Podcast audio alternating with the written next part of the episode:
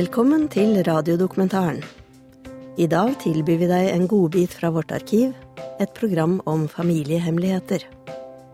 Noen ganger skjer det ting i en familie som de voksne ikke har lyst til at barna skal få vite om. I dagens radiodokumentar ligger hemmelighetene pakket inn i en brun pakke. Datteren har latt pakken ligge uåpnet i ti år. Dette programmet har vunnet Pri Europa. Vi sender Den brune pakken, arven etter far, av Kari Hesthamar.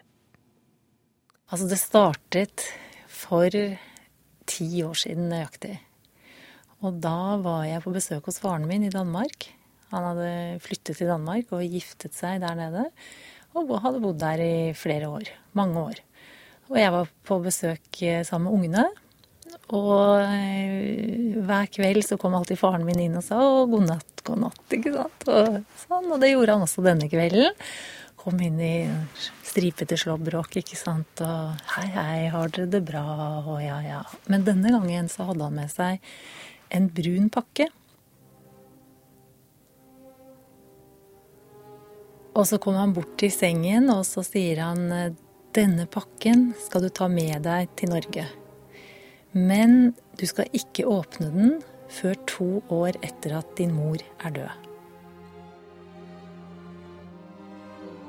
NRK P2 sender Den brune pakken. Arven etter far. En radiodokumentar av Kari Hesthamar.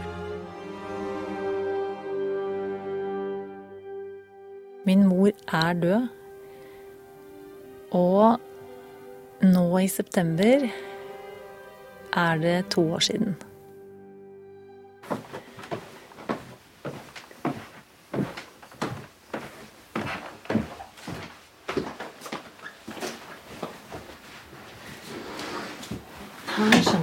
Har samlet en god del eh, brev fra faren min. Fordi at vi skrev jo veldig mye med hverandre. Fordi han flyttet jo til Danmark. Cecilie sitter på kne og løfter gulna brev ut av en liten grønn koffert. Jeg står ved sida av med mikrofon. Så det er, det er jo noe som står NB. Høsten har så vidt begynt, og det er bare én måned igjen til Cecilie skal åpne pakken. Vi sitter i det vesle, hvite hennes ved fjorden i Drøbak og roter i gamle papir etter faren. Ni år etter at han er død. Og her er han som veldig gammel mann med Donald Duck. Han elsket Donald Duck. Og alltid med spaserstokk, husker jeg. Det, det syns han var litt flott. Å ha en spaserstokk som han svingte litt på. Kom og møtte meg f.eks. når jeg hadde vært hos venninnene mine og sånn. Så han var en sånn som alltid stilte opp hvis jeg spurte om far, kan du være så snill å hente meg hvis det var litt mørkt på veien hjem eller sånn. Ja da. Det var nok sånn fars jente. Ja. Fant til og med en kassett som han har snakket inn et brev på. Hallo, Pusen. Jeg begynte å skrive på et brev til deg, men jeg finner ut at det er så mye.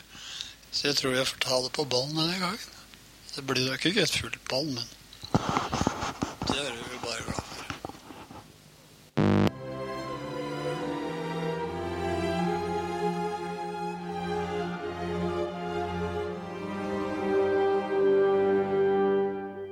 Så jeg kan ikke huske at jeg spurte han, men i all verden, hva er dette for noe, eller hvorfor sier du det, eller Jeg nærmest bare tok den imot og liksom la den i hyllen med alle tingene som skulle hjem dagen etter, og ja, så gikk det vel et år eller to, og så døde faren min.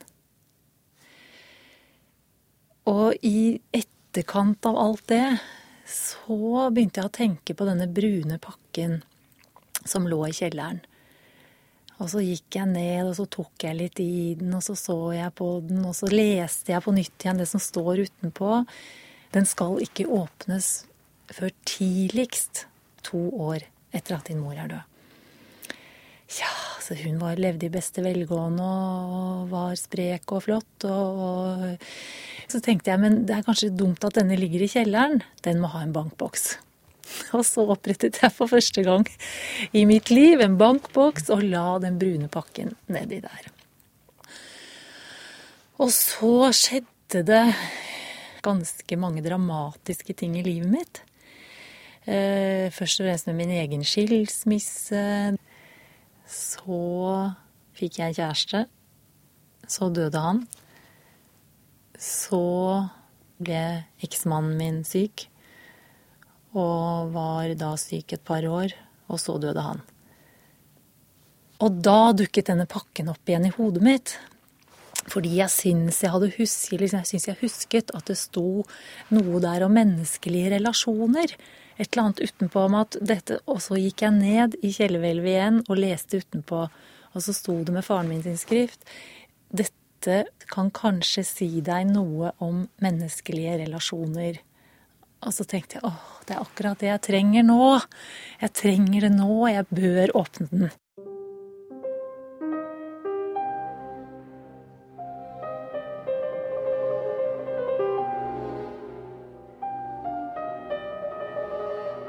Da følte jeg på en måte at, eh, at den eneste eh, som jeg hadde, det var liksom faren min. Men han lå inni en pakke med brunt papir, ikke sant. Og da tenkte jeg gud bevares, det må ligge noe inni her som som eh, kan hjelpe meg, ikke sant.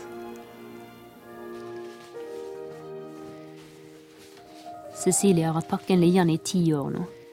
Det eneste som liksom gjør meg litt uh, redd eller engstelig, eller Det er at jeg kanskje oppdager noe med faren min som ikke stemmer med det bildet jeg har av ham.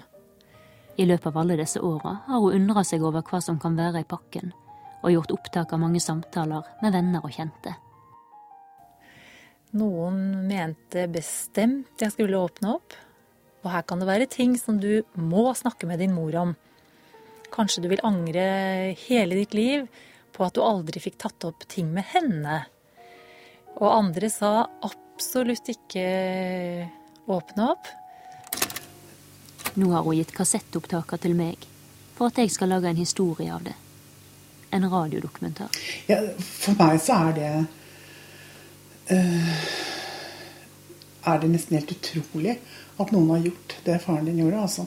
Fordi at hvis man ønsker å meddele slekta si noe, så er den metoden der helt Den er bare eventyrlig, altså. det er jo det. Venninne høsten 2003. Ja. Og så har det kommet opp da at uh, en, en uh, jeg kjenner, som jobber i NRK, har snakket med dokumentarradioen. Ah, og de har ringt til meg Nei. og er veldig interessert i å høre mer om dette. Og de vil kjempegjerne lage noe på det hvis vi kan finne ut av hvordan det osv. Ja. Og så sier de men vi må få lov å være til stede når Ja, du åpner Det er klart det må, da. Ja, er det det, har jeg tenkt da. Folk må ikke nødvendigvis få vite hva som står der. Kanskje det kan være det spennende, at det på en måte slutter Ja. med knitre, knitre, knitre. Og det at de ikke får vite hva det er, det kan få folk til å tenke i sine egne liv litt sånn Ja, må vi vite alt, da? Jeg tror at du er 15-20 år ute for seint med den måten å gjøre det på. For i det tabloide nyhetssamfunnet vi lever i, så kommer ikke folk til å kjøpe. De kommer til å bli irritert og forbanna. Her har du utsatt meg for en 40 minutters eller noe sånt. Jeg bruker å høre på det, det er på P2 på lørdag formiddag. Og så pakker du opp pakka, så får ikke jeg se hva som er i pakka. Nei, den er for kjip, altså. Kommer folk til å tenke.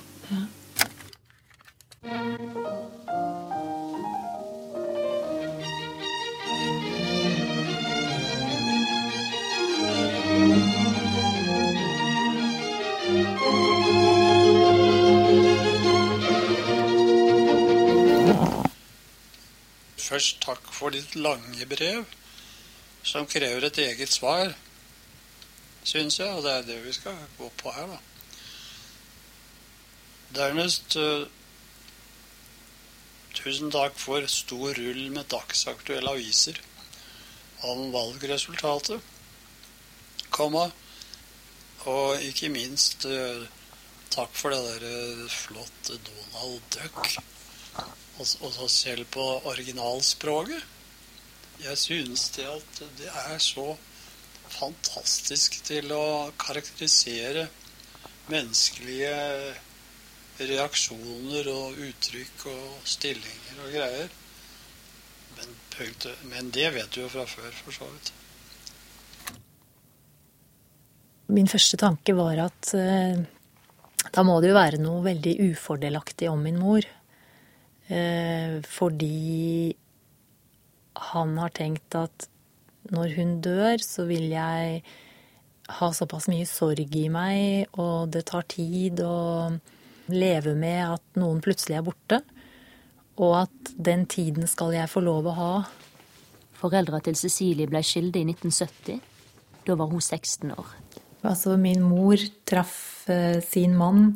Altså, min far hadde en nær venn, eller hadde mange nære venner, og en av dem eh, ble mannen til min mor.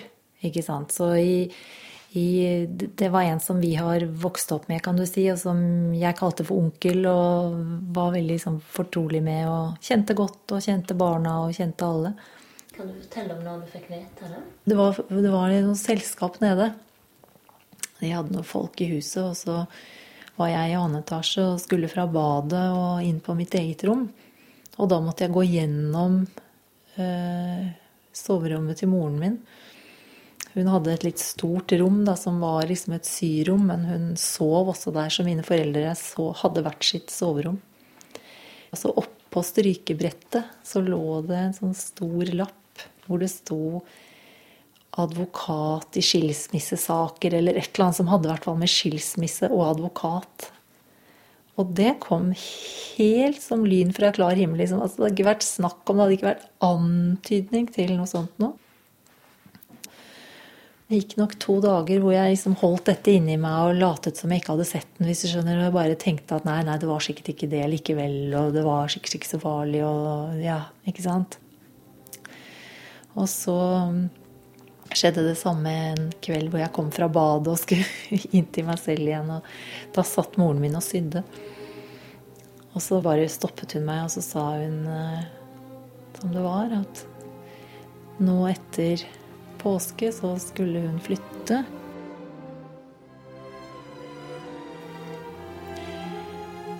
Jeg husker at hun spurte meg har du skjønt det. Og da sa jeg bare ja, og så var det, var det ikke noe mer å si. Men så satt hun hos meg. Uh, jeg gråt og gråt og gråt, hun bare var der og var der og var der og var der og var der og var der og satt der og satt der og satt der. Og så har jeg vel sovnet, for jeg husker liksom ikke mer av den kvelden. Jeg er nå Jeg blir 58 år i mars. Og det er ikke noe, tror jeg, som kan sjokkere meg lenger, altså. Det er tre uker til pakken skal åpnes og Cecilie er på besøk i broren for å varsle ham. Men liksom i tillegg til å fortelle deg det, så har jeg også fryktelig lyst til liksom å, å, høre hva du syns. Hva din tror. vurdering Nei, av hans men, tanker om um, det, på en måte.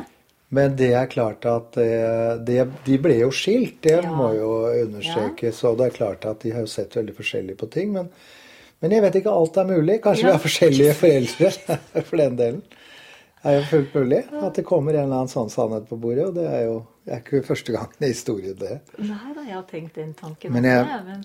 men det vil ikke være noe, ha noen betydning sånn for meg, det, altså. Nei, det tenker jeg også. Nei, men om det var en sånn ja.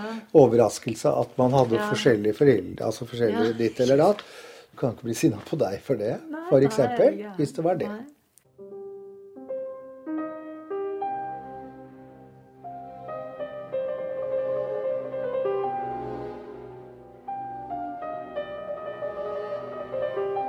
Jeg var veldig alene om å streve med åh, hva er det som skjer nå, hva tenker de egentlig, og hva, hva, hva skal skje i morgen og i ettermiddag, og hvem er hvor, når, og hva liksom, Ikke sant? Og det var bare det at det var ingen som snakket med meg.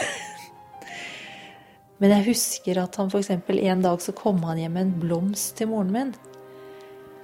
Og det syns jeg jo var rart. Så tenkte jeg det var, liksom, det var jo veldig hyggelig. på en måte, Komme hjem med en blomst i all verden. Det er kanskje ikke så ille, da. Eller det er jo hyggelig at de liksom kan være greie mot hverandre. Men så åpnet hun den opp, og så var det en kaktus med mange pigger. Det er en episode jeg husker, altså.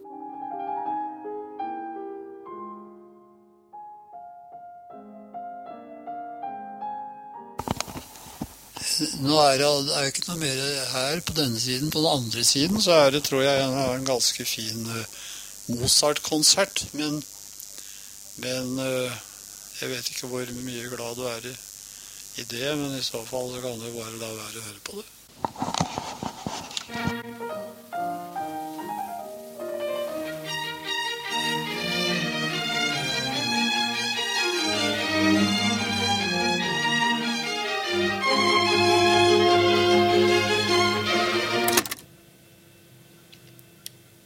Hva jeg syns du skulle gøre?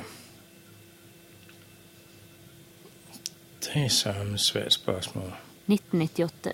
Cecilie spør en dansk astrolog om han syns hun skal åpne bakken før tida. Hvilken rett har han til at, at gi deg sånn en pakke? Der, der stikker noe under som, som, ikke er sterkt nok, som ikke er, er, ikke er helt er rettferdig, ikke er helt ærlig. Du kan faktisk uh, sikkert spørre ham, og så lige inden du sover, så spør du ham direkte. Og hvis du kan fange et svar i det du åpner, så kan du vågne opp med ja, så kan du vågne opp med svaret det du vågner igjen. Altså, og det er den eneste måten man kan tale med de døde på. Men det kan man så til gengæld også. Ikke?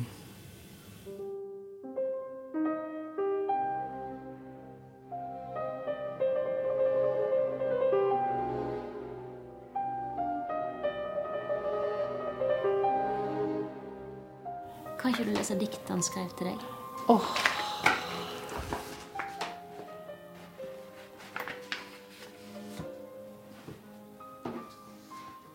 Det, blir litt sterkt.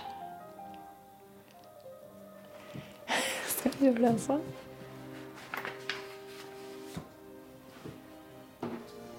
Overskriften er altså 'Lytt til dødens hus, min lille datter'. Når døden kommer, den gode død, på den tid jeg trenger hvile, da skal du ikke gråte, min lille datter. La solnedgangen skinne med sitt svinnende lys. La jordens engler synge med stemmer som minner om sildrende vann. Der hvor du går, skal du høre vingesuset fra tusen fugler som søker etter et rede.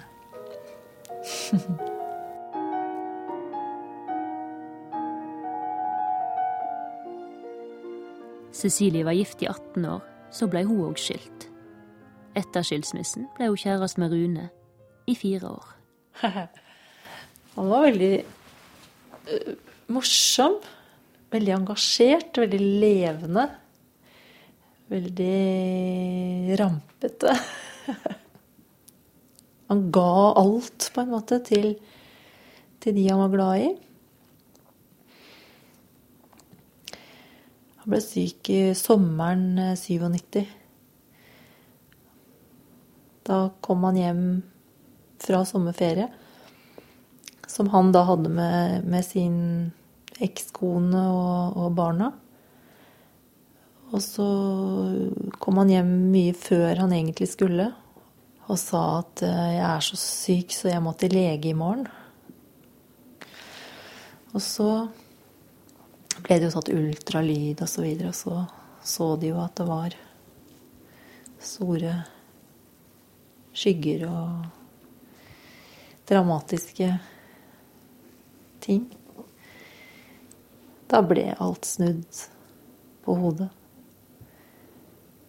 Jeg vet ikke, jeg husker vi begge to satt utenfor Ullevål sykehus, eller på gresset, liksom helt innenfor porten, da, men liksom utenfor bygningen. og og jeg kunne liksom ikke skjønne at folk fortsatte å gå, fortsatte å kjøre bil, og fortsatte å gå ut og inn av dørene, og at liksom verden fortsatte.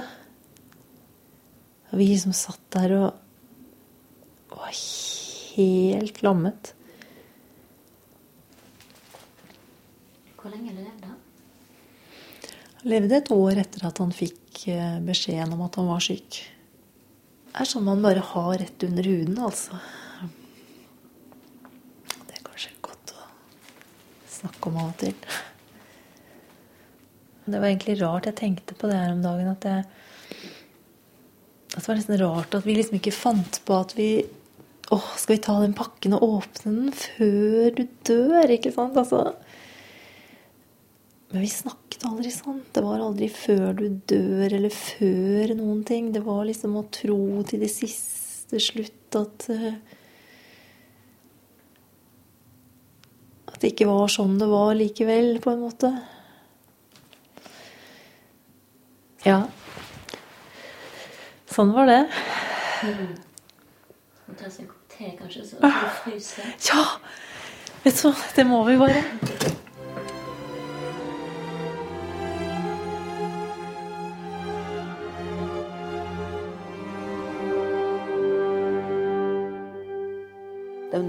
Være en kjærlighetshistorie, dette her, altså.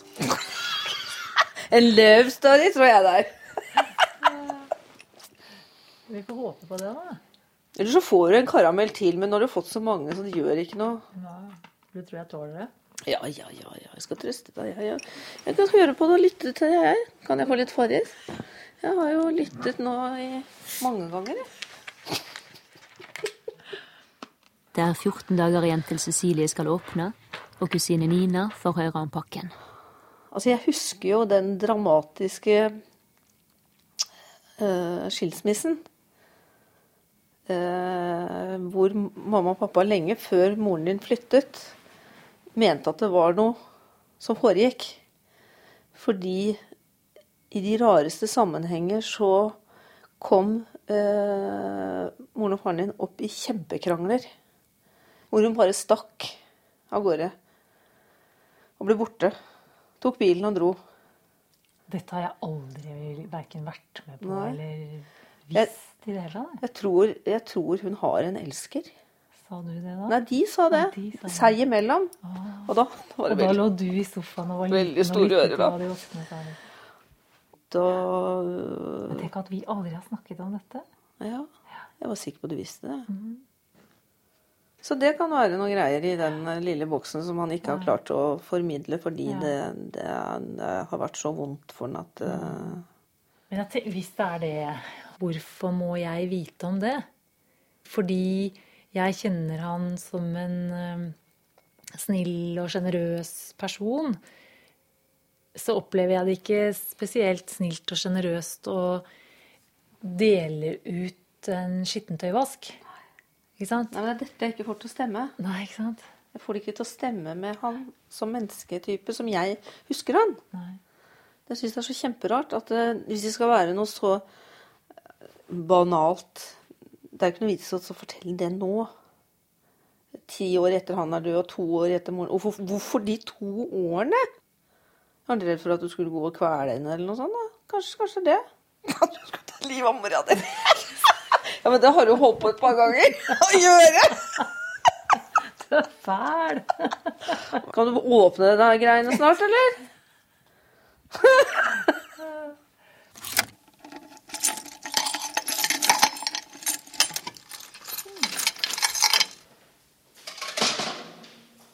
Det er første gangen jeg er nede i sånt vill, visste du det? Da tar jeg ut en stor pappeske. Gud, så Visste ikke at den var så stor. Det er 1996, året før Rune fikk kreft. Han og Cecilie er i bankhvelvet. Cecilie har det vanskelige forhold til mor si, og vurderer å åpne pakken før tida. Hvis jeg bare napper litt her, så går alle opp, ser du.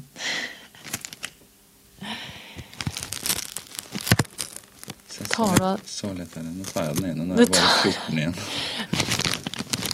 Tenk om du snur hele historien på hodet. At faren din ikke er så hellig plutselig som han var. At moren din ikke er en sånn stor skurk. Du vet jo ikke. Det er det som er så, gjør at du får så lyst til å åpne det. Du vet jo ingenting, og det kan jo være en helt ny historie. En helt ny forklaring på hvorfor ting gikk som det gikk. Hvorfor moren og faren din aldri har vært under samme tak sa, sammen siden de sto i rettssalen. Du måtte jo ha to Jeg- brylluper, du. Ja, ja. Det... Et hvor far kom, et hvor mor kom. Etter hvert så har jeg tenkt at kanskje du ikke skal åpne likevel. Kanskje ikke det er riktig. Fordi? Nei, fordi at vi er blitt sånne mennesker som Vi skal ha alt, og vi skal ha det med en gang. Og vi orker ikke å vente på ting.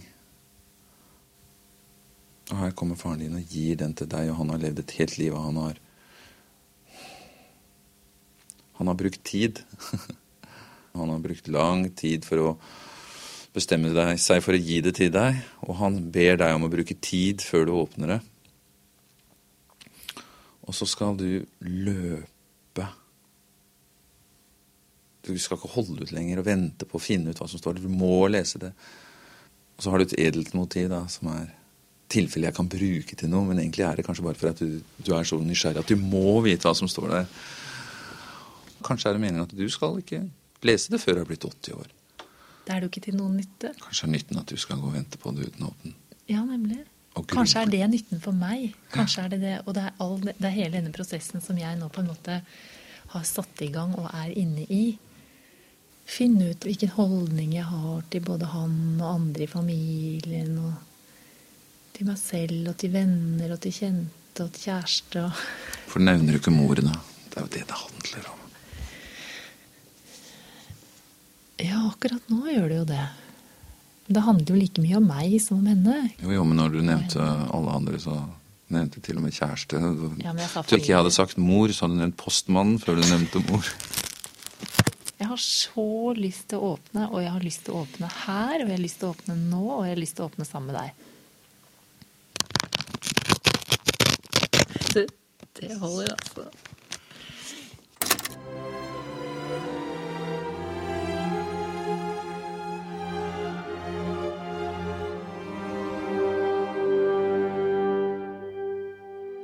Vi møtte altså på en sykehuskorridor, faktisk. Rune og Cecilie fikk fire år sammen.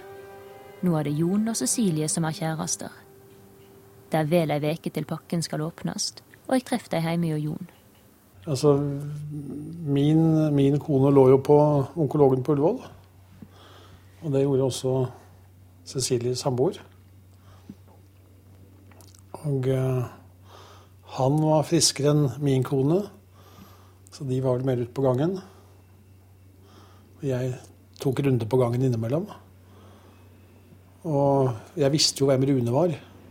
Så jeg var ute og lette etter Rune og, og traff Cecilie. Det var første gang vi møtte hverandre. Og så døde min kone. Og eh, så fikk jeg et veldig søtt og veldig godt brev av Cecilie og Rune. Og så så jeg tre måneder senere at Rune var død. Og så sendte jeg et brev til Cecilie. Jeg husker det, men jeg husker eh, veldig godt eh, første gang vi satte oss ned og pratet. Du og Rune og jeg. Og så satt du litt sånn, og armene dine var veldig sånn voldsomme, syns jeg husker. Og da husker jeg at jeg tenkte, innrømmer det, jeg husker at jeg tenkte å gud, så deilig å bli omfavnet av noen armer, av noen friske armer, som bare kunne holde omkring og holde hodet over vannet. Så fikk jeg oppleve det etter hvert, da. Det er rart å åpne sammen med en ny kjæreste. Ja, det er det. Det er litt rart at det er deg. Fordi at eh, det var faktisk veldig noe som vi hadde. Og, eh, og snakket mye om. og Så det er litt rart. Men eh, Og også det at du traff aldri far. Eh, Så det er en del av min fortid som ikke du aner noen ting om, og som du ikke kjenner. Det, Jeg det, tror, jeg tror jeg Rune er veldig fornøyd med at det er jeg som er sammen med deg på den pakkeåpningen. Det er bra. Ikke, han, han hadde sagt vi kan ikke finne noen bedre mann enn deg til å være med på det, hadde Rune sagt. Så det er jeg helt sikker på. Ja, det er fint. Ja. Da får du bare til slutt uh, få ha en god klem og så hilse alle dine. Og så se om du orker å høre igjennom hele den der greia her. Ha det. Mm, bye bye.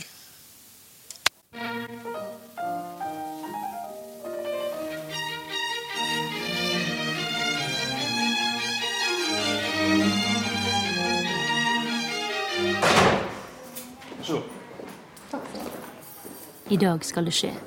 Cecilie er i bankhvelvet for å hente arven etter far.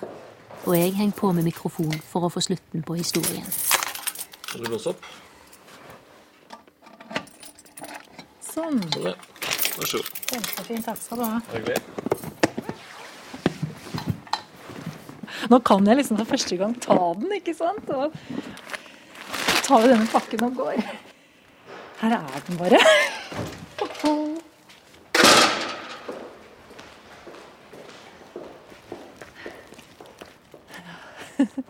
Jeg er lettet, jeg er glad, jeg har en pakke under armen. Jeg går bortover den lille veien min. Og jeg, jeg, liksom, her er familien min bodd bestandig. Så jeg blir litt sånn, jeg. Og, så det er klart det verste som skjer nå, er at det ikke er noe spennende. At ikke Jon står utenfor døra til Cecilie og venter med en bukett solsikker. Solsikker er sånn trøsteblomster i tilfelle du blir lei deg. Cecilie har planlagt alt og skysser oss ut døra og ned i ei lita kjellerbod Og de som vil, kan nå være med meg. som jeg aldri har sett, og der Jon knapt har vært før. Det er den derre fiskeboden til faren din, ja. Nei, se her. Oi, oi, oi. Like koselig, da. Skal vi være På et lite trebord står det vinglass og stearinljos. Jon og Cecilie setter seg på hver sin høye kratt, mens jeg blir stående for å få alt på bånd. Døra står åpen, og vi kan se fjorden noen meter unna. Her pleide han å sitte akkurat der hvor du sitter, faktisk. Og så, så da kan du akkurat se ut på sjøen. Og så satt han her og spikket. Ja, så Det var det ene som minner meg om far. Og det andre er denne Den store boken her. boken, ja. Ser ut som en gammel klippbok eller noe sånt. er det det? Nei, det er nemlig da, da, da, da. Og innbundne Donald Ducker fra 1964. Her Gratis solskjerm i dette nummer. Ja. Ja, altså dette, Fra nå av så har jeg liksom ikke planlagt noe. Jeg Ja. ser det er gammel, så teipen er blitt helt sånn stiv og, Ja, og og brun også. ja. sånn. Ja, nå tar jeg den ene. Dette er sånn stemmen fra graven, altså.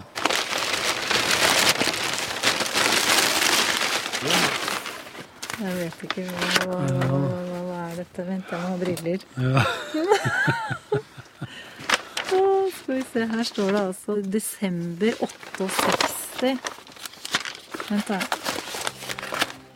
Cecilie står det der. 27.12.68. Dette eiendommelige fenomen må nedtegnes, for det er altfor ufattelig merkelig til at jeg kan komme til å huske detaljene senere. Dagen i går begynte med den samme forferdelige rastløshet, hvor jeg bare falt i ro når jeg kunne berøre henne med hånden. Jeg kunne ikke konsentrere meg om noen ting. Etter den vidunderlige nyttårskonserten fra Wien dro vi, etter hennes forslag, til Drøbak for å ønske godt nyttår. Vi tok vår drink og spiste deilig fiskepudding med selvplukkede, fremragende blåskjell fra Storeskjær. Plutselig kom det en snikende depresjon over meg. Det var bare så vidt jeg ikke begynte å gråte åpenlyst. Jeg orket ikke hvile, gikk rundt som en hvileløs katt med gråten langt oppi halsen. Jeg ser hennes deilighet og kan ikke bruke den. Hun suges mot en annen. Meg tar hun ikke engang armene rundt halsen på. Jeg merker så godt alle de små ting. Hun har en liten trekatt som jeg har lagt merke til at hun har i sengen. Hvorfor ligger du med den trekatten? Har du fått den av ham? Hun ler og sier nei, den fikk jeg for Røde Kors julemesse. En trekatt faller fra mitt hjerte som en idiotisk lettelse, selv om jeg er klar over at det ikke har noen betydning for selve saken.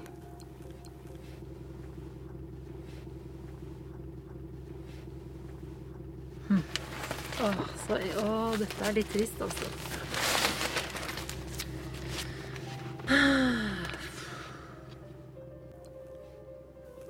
6.1.69. Søndagen begynte med en forferdelig deprimert uro. Rastløsheten jaget meg opp tidlig, men hun sov.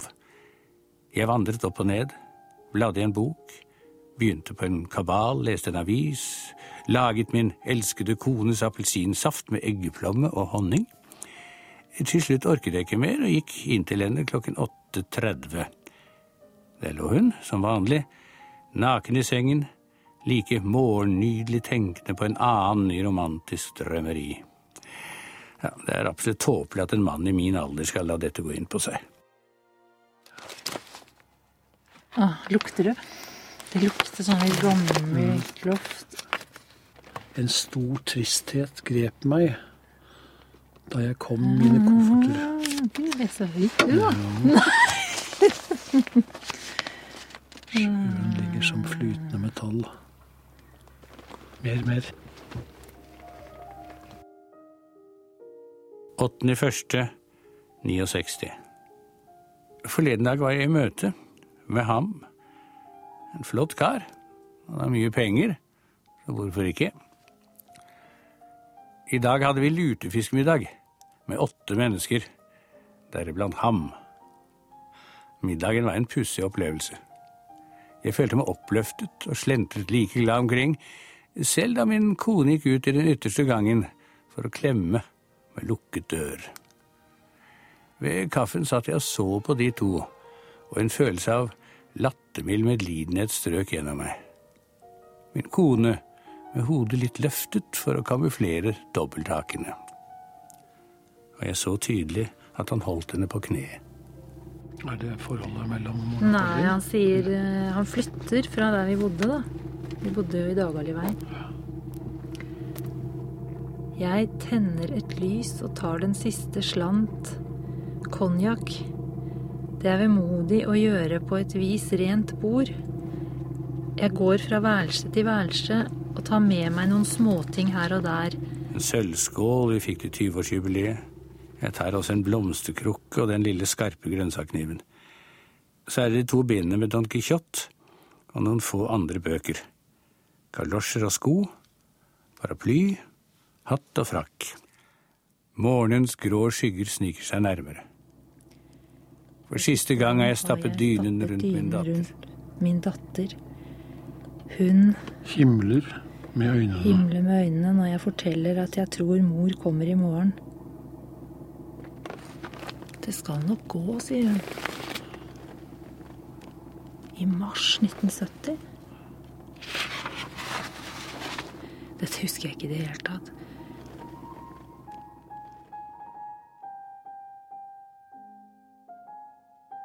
Nittende i tiende. Jeg hadde satt frem til henne i dag en skål med ferskener og en liten bukett med forglemmer-jeg, men den hadde tydeligvis virket ganske mot sin hensikt. Den var nok hard for henne, denne forglemmer-jeg-en. Det sentimentale, slemme fjolset. Kanskje det var egentlig derfor jeg satte dem der. Skjønt jeg plukket dem en sprø tone av poesi i hjertet. Vi er blitt enige om at hun skal bo her for å ta seg av Cecilie til hun reiser til England omkring 15.9. Fordi vi tror det er det beste, og fordi hun sikkert føler det som den avlat hun må yte. Men er det det beste for Cecilie? Jeg analyserer og analyserer. Når er det godt for et menneske å få klarhet om at livet er et omskiftelig fenomen? Jeg vet ikke. Jeg skulle gjerne spare min datter for alle vonde ting. Det var veldig mye som ikke ble snakket om. Det var veldig mye som Og det ser jeg nå svart på hvitt. Det var veldig mye som skulle holdes unna meg. De skulle liksom beskytte meg, og de skulle ikke si noe til meg, og de skulle liksom ha hensynet til Cecilie og mye sånn. Og det Det har jeg kanskje tenkt mye på. Liksom hva hva skal man si, og når skal man si det, og hvordan skal vi snakke sammen alle sammen? Altså Åh, men far, dette skulle vi ha snakket om, alt dette her.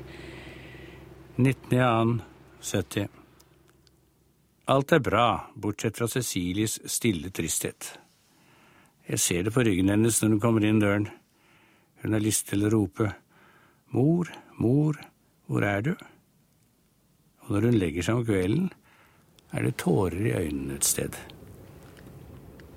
Hm.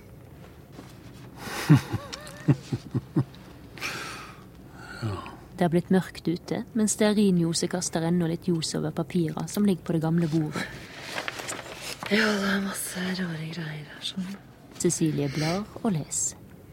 Jon begynner å bli frosen, og jeg begynner å bli sliten og svimmel av å stå bøyd over bordet med mikrofon. Nei, men jeg kan jo ikke bare sitte her og bla i det, for det, det, da kommer vi til å fryse i hjel her nede.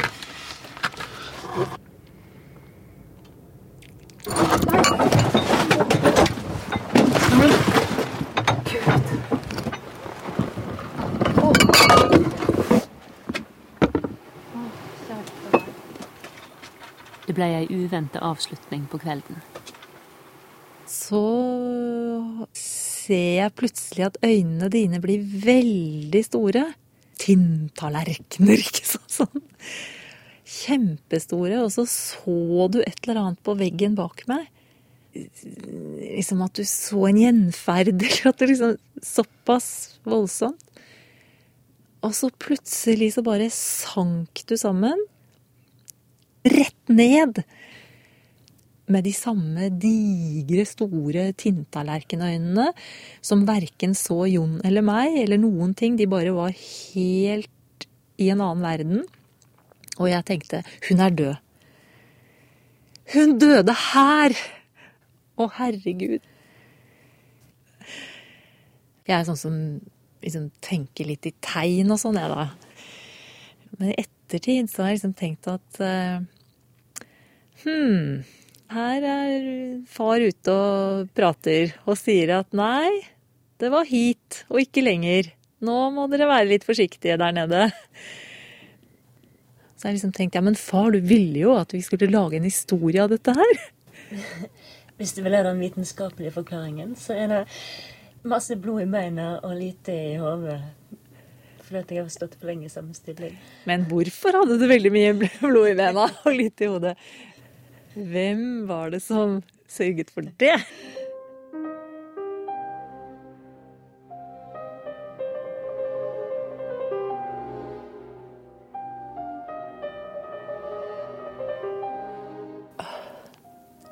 Dette å lese det han har skrevet nå, det Det gir meg en veldig sånn styrke til å snakke med mine egne barn. og også om sånne ting som er vanskelig. Og jeg har lyst til å gjøre det før jeg dør. 15.9.70. Jeg har bestemt meg for å få en bankboks å legge mine papirer i. Det er altfor intime detaljer til å mistes, men for verdifulle for ikke å skrives ned. Kanskje jeg en gang får tid til å skrive en bok?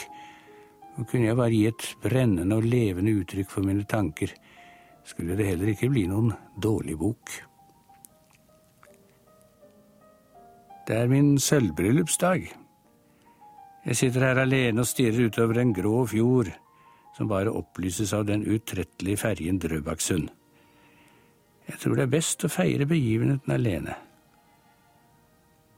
Tenk at hun gifter seg med ham på vår sølvbryllupsdag. Er det mulig å gjøre det verre? Det har vært godt å lese fars tanker om den skilsmisseperioden. For der var det mye som aldri ble sagt høyt til meg, i hvert fall. Det har i hvert fall vært riktig at jeg ikke har lest det før nå. Det har det vært. Individets frihet omfatter også friheten til å begå dumheter. Beklager, men slik er det.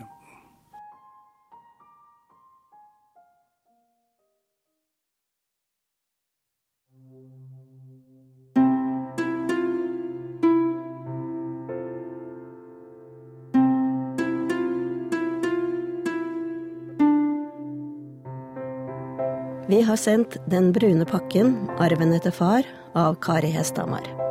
Teknisk regi Kåre Johan Lund. Konsulent Berit Hedman. Og programmet vant Pri Europa i 2004.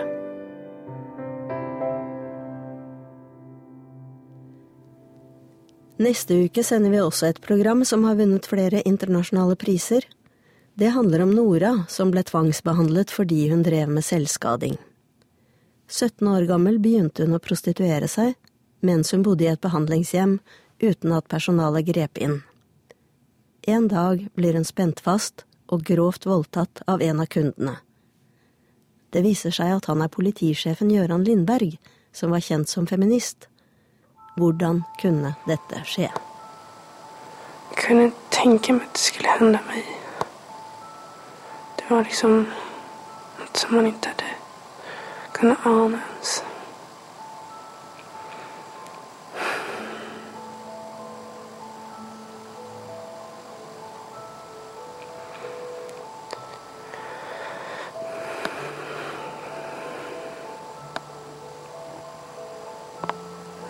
Jag får äcklighetskänsla kjenner fort og känner Jeg hører han andes jag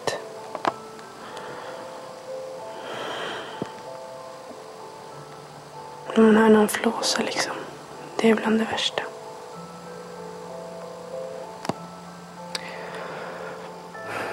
Jag minns fortfarande hur han höll på med min kropp. Hur han vägrade släppa taget. Det ska det bara var en dröm, men så enkelt är det inte.